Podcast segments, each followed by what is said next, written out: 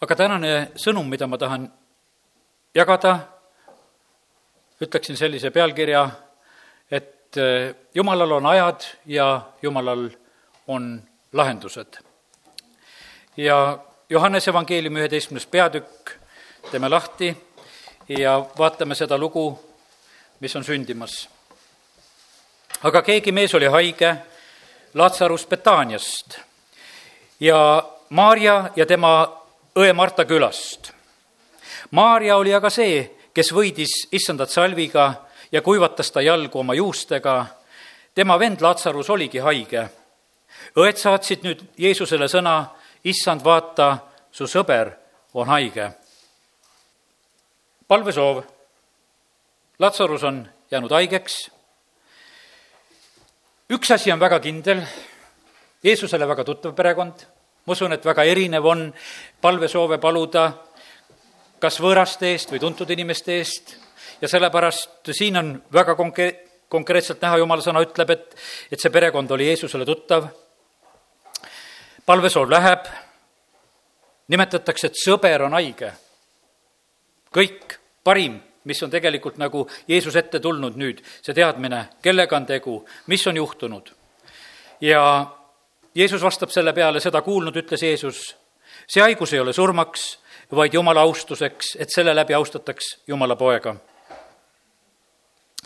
ja viies salm, aga Jeesus armastas Martat ja ta õde ja Latsarust.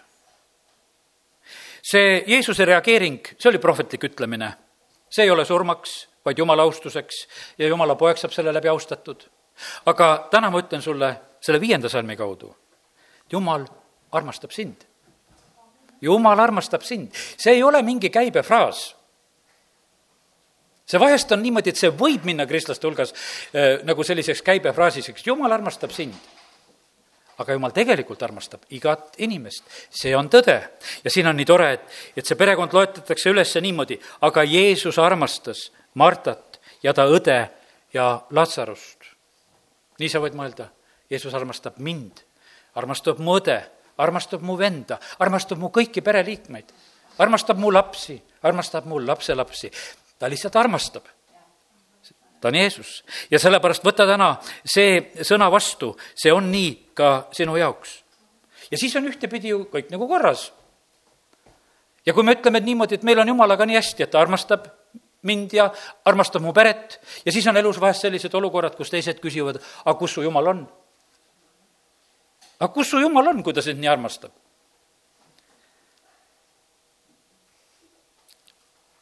kui nüüd Jeesus kuulis, et Lats-, Latsarus on haige, jäi ta veel kaheks päevaks sinna, kus ta oli. ei pandud vilkurit tööle, et kiiresti vaja minna, haige. mitte midagi, kaheks päevaks sinna. teed kiirabikutse kui kannatamatu sa oled tegelikult, sa ootad, et no millal need vilkurid juba kuskilt paistaksid. sest et kui me teeme nagu selle kutse ära, siis hakkad, kohe hakkad niimoodi ootama. Need minutid venivad siis. tohutult venivad need minutid, kus sa oled sellises ootuses, käid, vaatad siitpoolt, käid, vaatad sealtpoolt, no miks nad veel ei tule? ja siin on palvesoov, väga tõsine palvesoov. Latsarus on haige, Jeesuseni jõuab see ja siis juhtub see, et Jeesus viivitab ja viivitab kaks päeva. täna oleme juba ütelnud, et, et Jumalal on ajad ja Jumalal on lahendused ja Jumal ei eksi ja vahel ta pidurdub, vahel ta ootab nagu seda õiget aega ja, ja sellepärast täna oleme siin ja tahame üksteist lihtsalt kinnitada, et kui sul on neid vastamata palveid, kus sa ootad veel, et millal sa, Jeesus, siis jõuad kohale, millal Jumal sinu abi tuleb, millal see on? Jumal teab seda, millal see on, millal vastatakse sinu palvele. me oleme sellel aastal suures ootuses, et aasta kaks tuhat neliteist vastab suurtele palvetele. me oleme selles ootuses, see on ju väga põnev. ja, ja sellepärast ole selles ootuses, ära, ära lükka seda ära, vaid oota seda, seda päeva, oota seda lahendust. ja, ja sellepärast jumal ei jää hiljaks. pärast seda, seitsmes salm, ütles ta oma jüngritele, läki jälle Juudamaale jüngrid ütlesid talle, rabi, alles nüüd sama otsisid juudid võimalust sind kividega surnuks visata ja sina lähed jälle sinna. Jeesus vastas, eks ole päeval kaksteist tundi. kui keegi kõnnib päeval, siis ta ei komista, sest ta näeb selle maailma valgust. kui aga keegi kõnnib öösel, siis ta komistab, sest temas ei ole valgust. Jeesus teeb siis selle otsuse, ütleb oma jüngritele ka, et nüüd lähme. Läkki jälle Juudamaale ja siis on jüngrite selline arutelu, et kuule, seal on ohtlik, et sinna ei peaks minema. seal tahetakse sind kividega surnuks visata ja, ja parem, kui me sinna ei läheks. ära mine sinna. kallid, Jeesus liikus alati Jumala tahtmises. ta tegi ainult seda, mida ta kuulis isa tegevat ja nägi isa tegevat. ta ei teinud muid asju. ja, ja sellepärast täna, kui me ülistasime, ma sain selle pildi. Jeesus läheb ristile kui palju oli seal neid mõistjaid, et miks sa sinna Jeesus sinna ristile lähed? pigem olid need mõistjad seal, et Jeesus, astu ristilt alla. siis me usume, et sa oled Jumala poeg. kõik ootasid Eeliat, kõik ootasid mingit teist lahendust. mõistjaid ei olnud, aga see tee oli väga õige. tänu sellele oleme täna meie, sina ja mina päästetud, et Jeesus läks. et ta viis selle töö lõpuni Peetrus ei mõistnud, kui ta, äh, Jeesus räägib, ütleb, et ma pean minema Jeruusalemma, pean palju kannatama, pean surema. jumal, ärgu seda sulle juhtugu. kallid, me ei mõista alati Jumala teid ja plaane ja sellepärast täna ka, kui me oleme siin, siis äh, tahaksin ütelda seda, et katsume olla üksteisele julgustuseks. jumala sõna kutsub meid üles julgustama toetama ja nii sageli meie oleme need, et me arvame, et teised ei suuda nende ülesannete ja koormatega hakkama saama, me pigem tõmbame tagasi.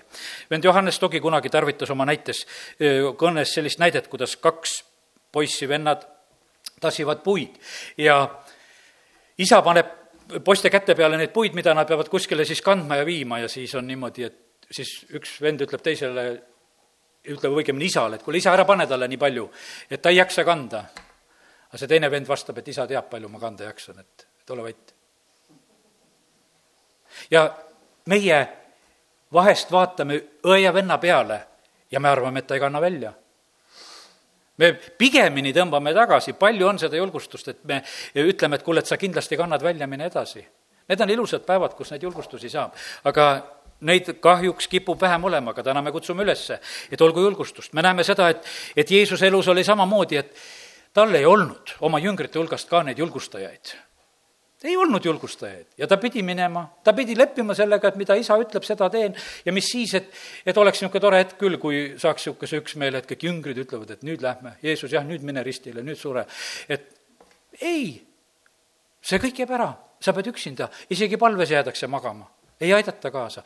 ja sellepärast, kallid, me oleme jumala lastena samasuguses olukorras, et me ei peagi alati ootama seda, et, et terve maailm ümberringi hüüaks hurraa ja et me läheme selle järgi, see ei aita üldse meid, vaid meil on tähtis see, et me peame ära tundma seda, mida Jumal meile ütleb ja kus on meie tee ja läheme sinna.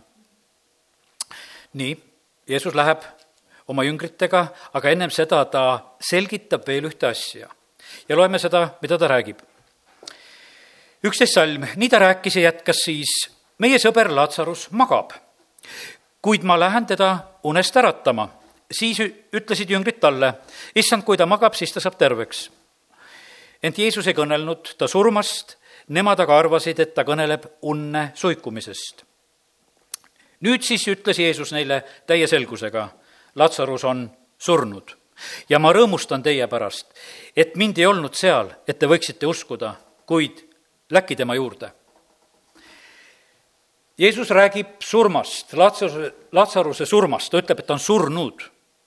aga ta ütleb seda teise sõnaga alguses, et ta on unne suikunud, ta on magama jäänud. kui me kuuleme sõnu, siis on meil kiireid mõtteid, me teeme oma järeldusi. uni on ikka kasulik asi, see on terviseks.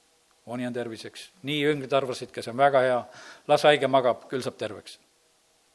Jeesus ütleb, et ei, ta on surnud, ma lähen teda surnuist üles äratama ja ma rõõmustan selle pärast, et ma ei olnud seal, et ta sai ära surra. nähtavasti Latsarus ei oleks saanud ära surra, kui Jeesus oleks jõudnud kohale. aga Jeesus oli nii kaua, need kaks päeva ja lõpuks me näeme seda, et see minek, kui Jeesus on seal laua juures, siis öeldakse talle, et neli päeva juba hauas. see pidi olema nii kindel kui kindel, et see mees on surnud ja Jeesus äratas teda sellel korral surnust ülesse. see oli Jumala plaan, see oli suuremate õnnistuste plaan sellepärast, et kui me mõtleme nüüd palmipuude püha, kui Jeesus läheb Jeruusalemma, siis sellepärast, et ta oli Laatsaruse surnust üles äratanud, oli seal väga palju rahvast juures, kes tulid Jeesusele vastu. oli väga palju rohkem rahvast, kes võtsid palmioksad kätte. see asi oli suur sellel hetkel, sest nad tahtsid näha ka Laatsarust.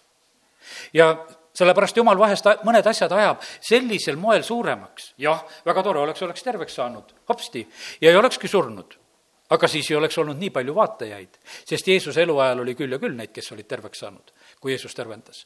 aga et ta surnust üles äratas, et ta neli päeva oli hauas olnud ja et ta siis on jälle elav mees, me tahaksime seda meest näha.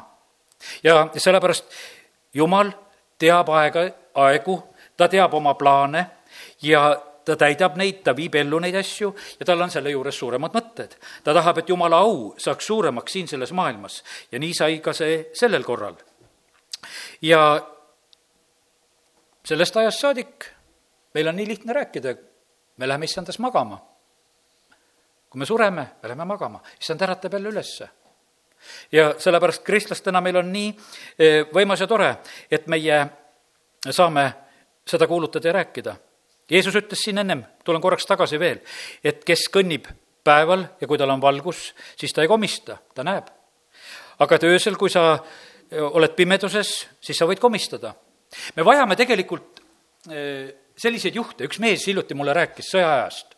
siin Võru lähedal Lasvas oli tema kodu, rinne oli parasjagu nii sakslased kui venelased olid, kõik olid Lasva külje all, ütles, et tema oli noor poiss ja siis oli tema onu, kes oli temast vanem, ja sakslased olid ütelnud veel sedasi, et nüüd on selline asi, et lahing tuleb hommikul ja parem on, kui te siit lahkute ja, ja siis see mees nüüd on kõrges eas, ta rääkis mulle seda, et me läksime öösel kahest, siis ühesõnaga vaenuleerist läbi, läksime venelastest läbi ja läksime sakslastest läbi.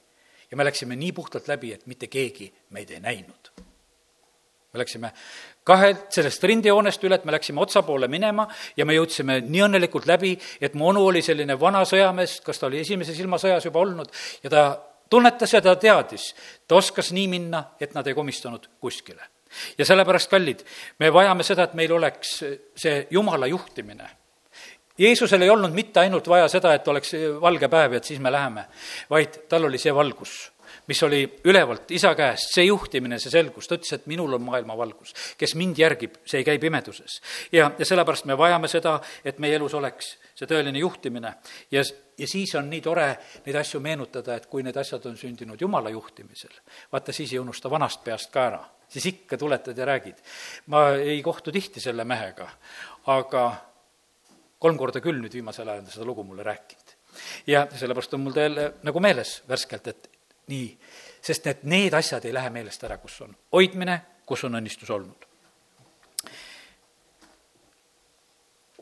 seal on tegu ka Toomasega ja tema oli pessimistlikum, kuusteist salm, siis ütles Toomas, keda nimetatakse kaksikuks, kaasjüngritele, lähme meiegi, et temaga koos surra. ei tea, mida nad seal rohkem nägid, sest et tegelikult, kui me Johannese evangeeliumit eestpoolt loeme, me näeme mitu korda, kus Jeesuse vastu haaratakse kive. Mitu korda. Ja jüngrid nähtavasti arvasid, et nüüd on nii ohtlik minek, et nüüd on see Maidani värk, et seal nad kisuvad aga neid kivisid kogu aeg ülesse. Ja kui sinna lähed, siis kiviga saad, seal pääsu ei ole. Kivid on sellised asjad siin selles maailmas. ma ka vahest vaatan niimoodi, isegi noh, vaatan ise südame järgi vahest siin ümberringi, kui mõni kivi väga vedeleb kas või siin ümber jumala koja, selline noh, niisugune paras kättevõtmise kivi, ma korjan ta vahest üles ja panen ära, mõtlesin, et ei, et ma ei hoia neid siin. et ei oleks kellelgi halba mõtet, et siia aknasse seda saata või mis iganes teha. ja, ja sellepärast see on niivõrd ohtlik vahest ja sellepärast jüngritel oli see eriti selles kultuuris, kus nad olid, kus kivid olidki määratud vahest selleks surmaotsuseks ja Toomas võtab väga tõsiselt, ütleb, et nüüd vist on meil minek. Aga noh, lähme, sureme koos Jeesusega. Nad jõuavad, seitseteist salm, kui nüüd Jeesus sinna jõudis, leidis ta, et Latsarus oli juba neli päeva hauas olnud. Betania aga oli Jeruusalemma lähedal umbes paari miili kaugusel. ja palju juute oli tulnud linnast Marta ja Maarja juurde neid lohutama venna pärast. kui nüüd Marta kuulis, et Jeesus tuleb, läks ta kohe talle vastu, aga Maarja jäi koju. Siis ütles Marta Jeesusele, issand, kui sina oleksid siin olnud, siis mu vend ei oleks surnud. aga ma tean nüüdki, et Jumal annab sulle, mida sa iganes Jumalalt palud. väga loogiline jutt, mida Marta ka räägib. ta ütleb, et jah, kui Jeesus, sa oleksid tulnud kohe, siis mu vend ei oleks surnud, aga sealsamas ta väljendab ikkagi usku, et kuule, et, et Jumal ju tegelikult kuuleb sind milles iganes, mida sa palud ja see on ka nüüdki. Jeesus ütleb talle otse, sinu vend tõuseb üles. kui Jumal sulle täna midagi ütleb, kas sa paned selle tänasesse päeva või lükkad viisakalt tulevikku me võime seda kohe teha. pigem on küsida siis Jumala käest, et aga kuidas, millal, mis see tähendab? mida see ütlemine tähendab? anna mulle mõista. Jeesus ütleb siin väga selgelt, sinu vend tõuseb üles. see oli selle päeva sündmus. See oli selle päeva sündmus. Marta ütleb talle, ma tean, et ta tõuseb üles ülestõusmises viimasel päeval. Jeesus ütleb, mina olen ülestõusmine ja elu, kes minusse usub, see elab, isegi kui ta sureb kõik õige jutt. no peaaegu ei ole matust, kus seda sõna ei loe. elab, isegi kui sureb. ja nii see ongi. kui issandas sured, õndsad on need surnud, kes issandas surevad. Jeesus on ülestõusmine ja elu, kõik tõusevad viimasel päeval üles. aga Jeesus ütleb siin, sinu vend tõuseb üles ja ta ütleb seda tänast päeva silmas pidades ta oli oma jüngritele läinud ja rääkinud ju just ennem seda ka, et ta läheb kuid ma lähen teda unest äratama. meie sõber Latsarus magab, ma lähen teda unest äratama. see oli väga selge plaan, mille, mida tegelikult Jeesus oli täitmas, mida Jumal tahtis teha. ja sellepärast, kallid, Jumalal on plaanid ja ärme lükkame neid asju ära. ja vahest juhtub meiega isegi see lugu, et see plaan läheb täide. Jumal juba teeb selle asja ära ka.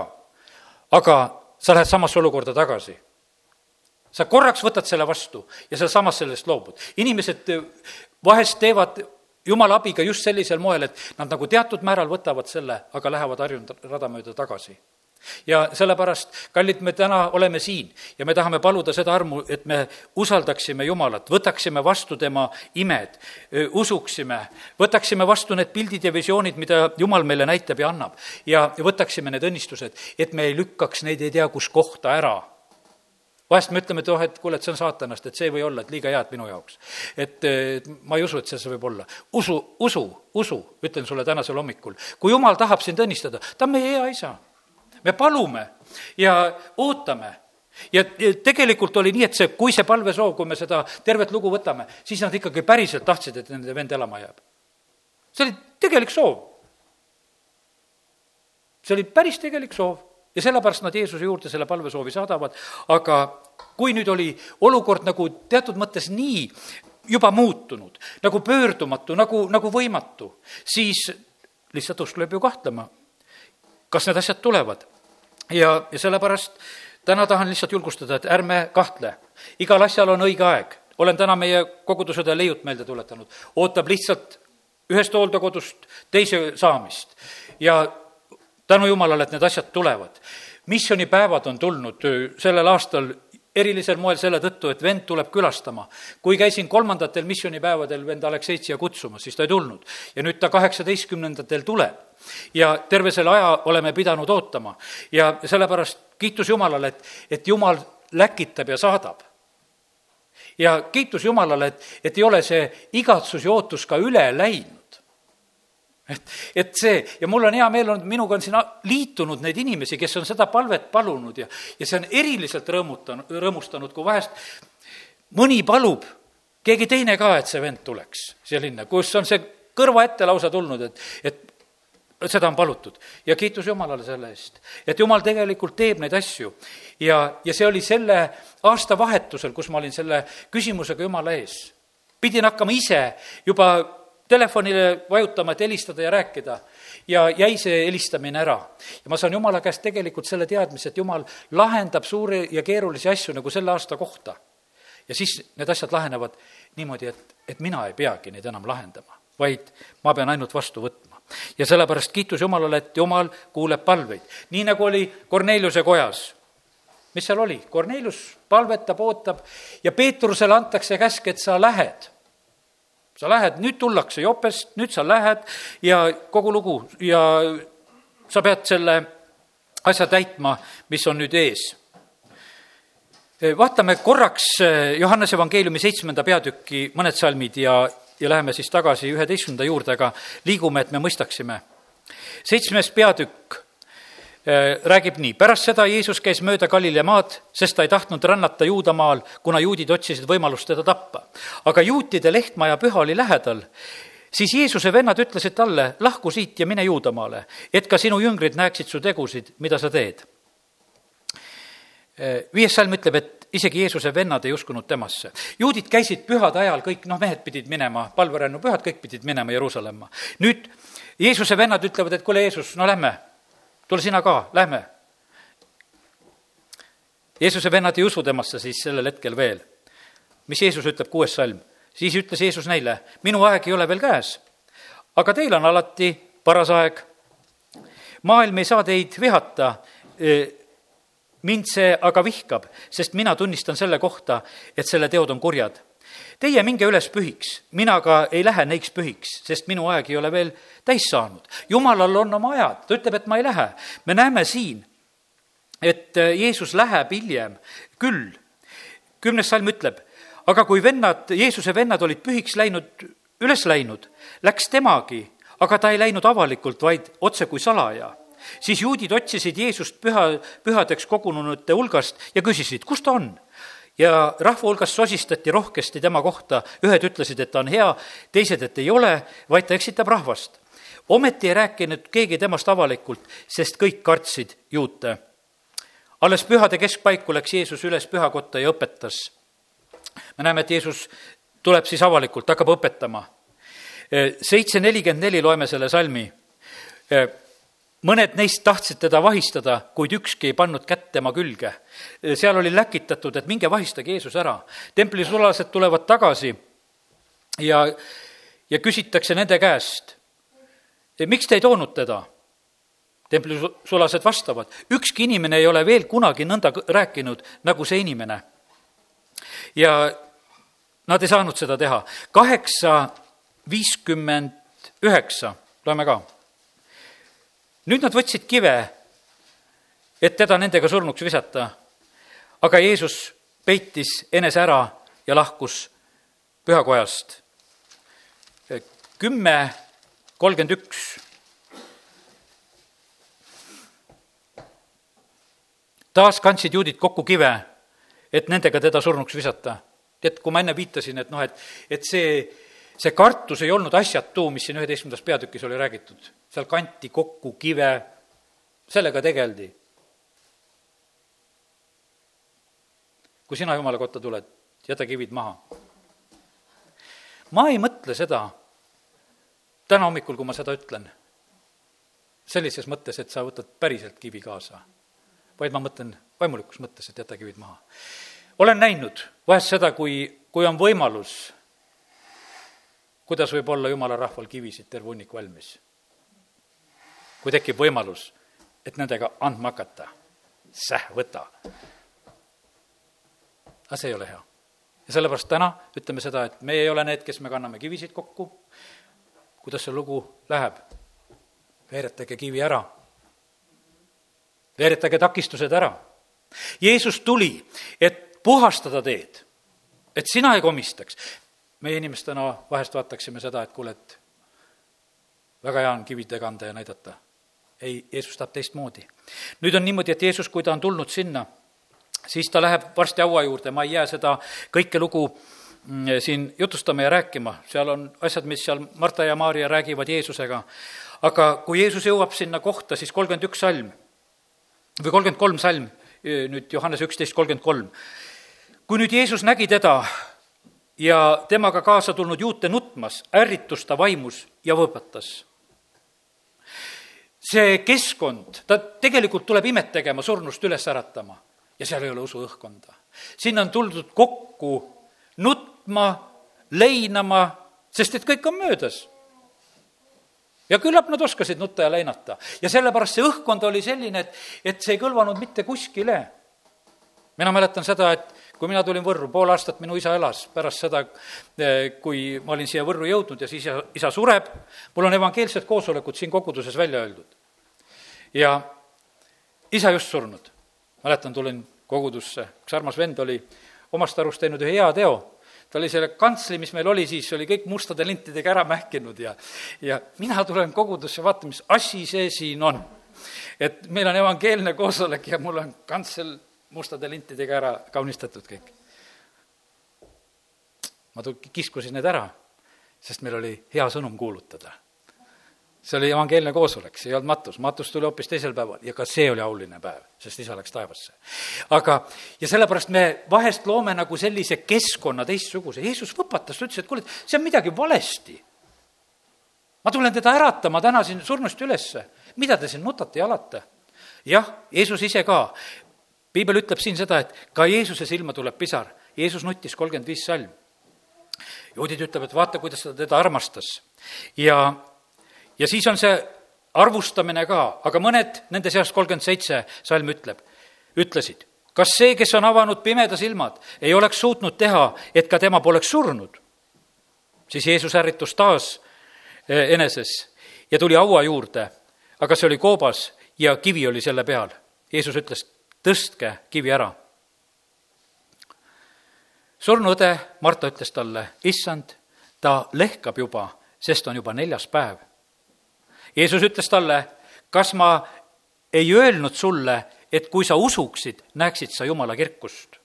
siis nad veeretasid kivi ära. kallid,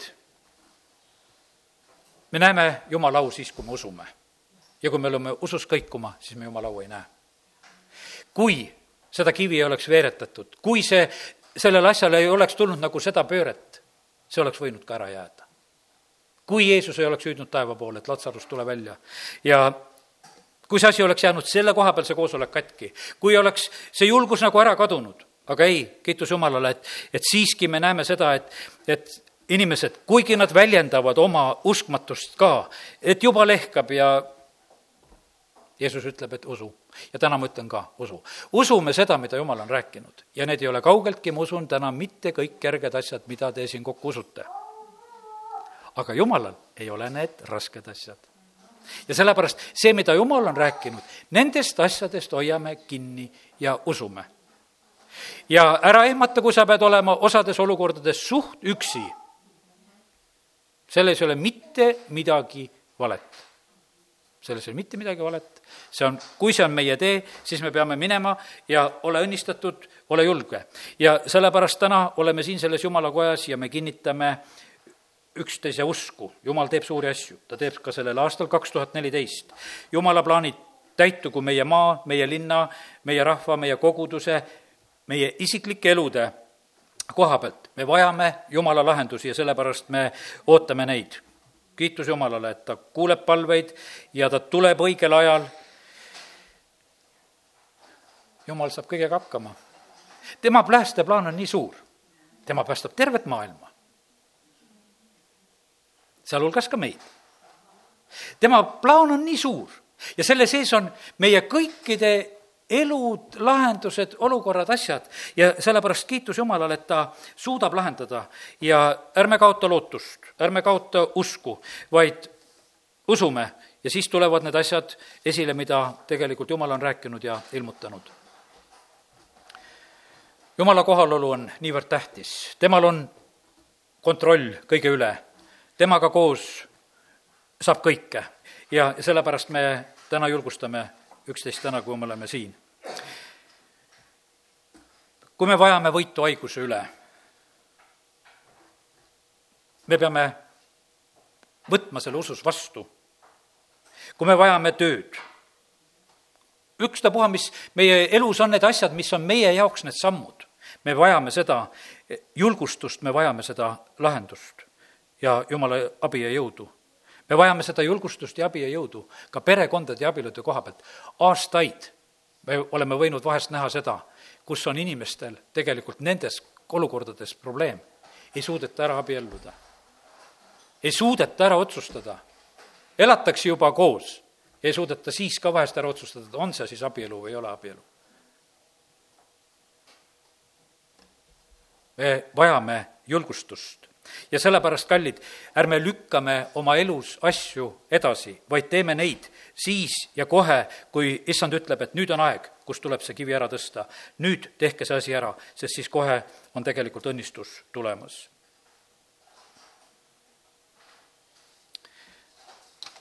nimetasin täna seda ka, et täna, kui me tema häält kuuleme, siis julgustus on see asi, mida me kõige enam vajame.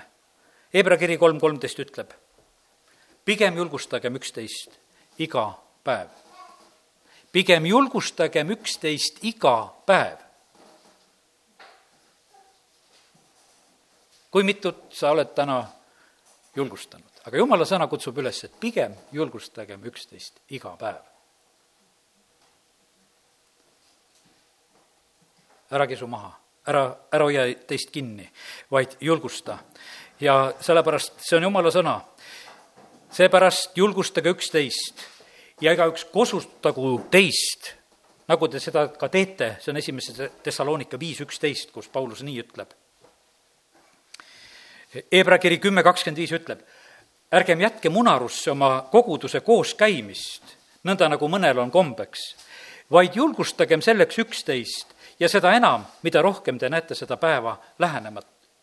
me vajame ka seda julgustust, et, et koguduses käia ja koos käia tee seda julgustust ka, julgustage selles üksteist. ja neid jumala sõna salme on mitmeid veel, mida me võiksime siit praegu julgustuseks lugeda. aga olen täna saanud selle sõnumi edasi ütelda, mida jumal on südamesse andnud. ja me näeme, kui auliselt see asi lõpeb. päästke lahti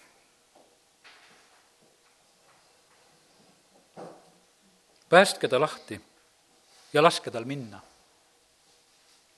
meie koguduse vend Abraham, Abram Wolf palub koguduse ees, laske mul Saksamaale minna. ärge hoidke mind oma armastusega kinni. kogudus armastas, vend tahtis perega kolida sinna ja viisa asjad ei lähe korda. teda ei lasta, teised sakslased kõik juba lähevad, kes tahavad. lõpuks ta saab aru, et teda hoitakse kinni. ja siis ta palub koguduse ees, kallis kogudus, laske mind lahti. ma tahan minna. ta läheb, ta ehitab Saksamaal kaks suurt jumalakoda, sest et esimene jumalakoda, kus on kuskil tuhat liiget tal koguduses juba, ta läheb siit Võru kogudusest ja läheb Saksamaale selliseid kogudusi ehitama, siin ta õppis jumalariigi tööd. see on nii täis, et seal ei mahu olla, ta läheb, ehitab järgmise jumalakoja laske mind lahti, päästke, päästke mind valla, et ma saaksin minna, sest et siis jumala plaanid täituvad. ja sellepärast täna ka teeme nii, et, et me ei hoia mitte kedagi kinni, kui jumal on midagi tegemas. me ei tohi seda, meil ei ole seda õigust. ja kiitus Jumalale, et, et me võime praegu olla julgustajad ja vabad oma õdede-vendade peale, kes on meie ümber, õnnistajad kiitus Jumalale selle eest, amin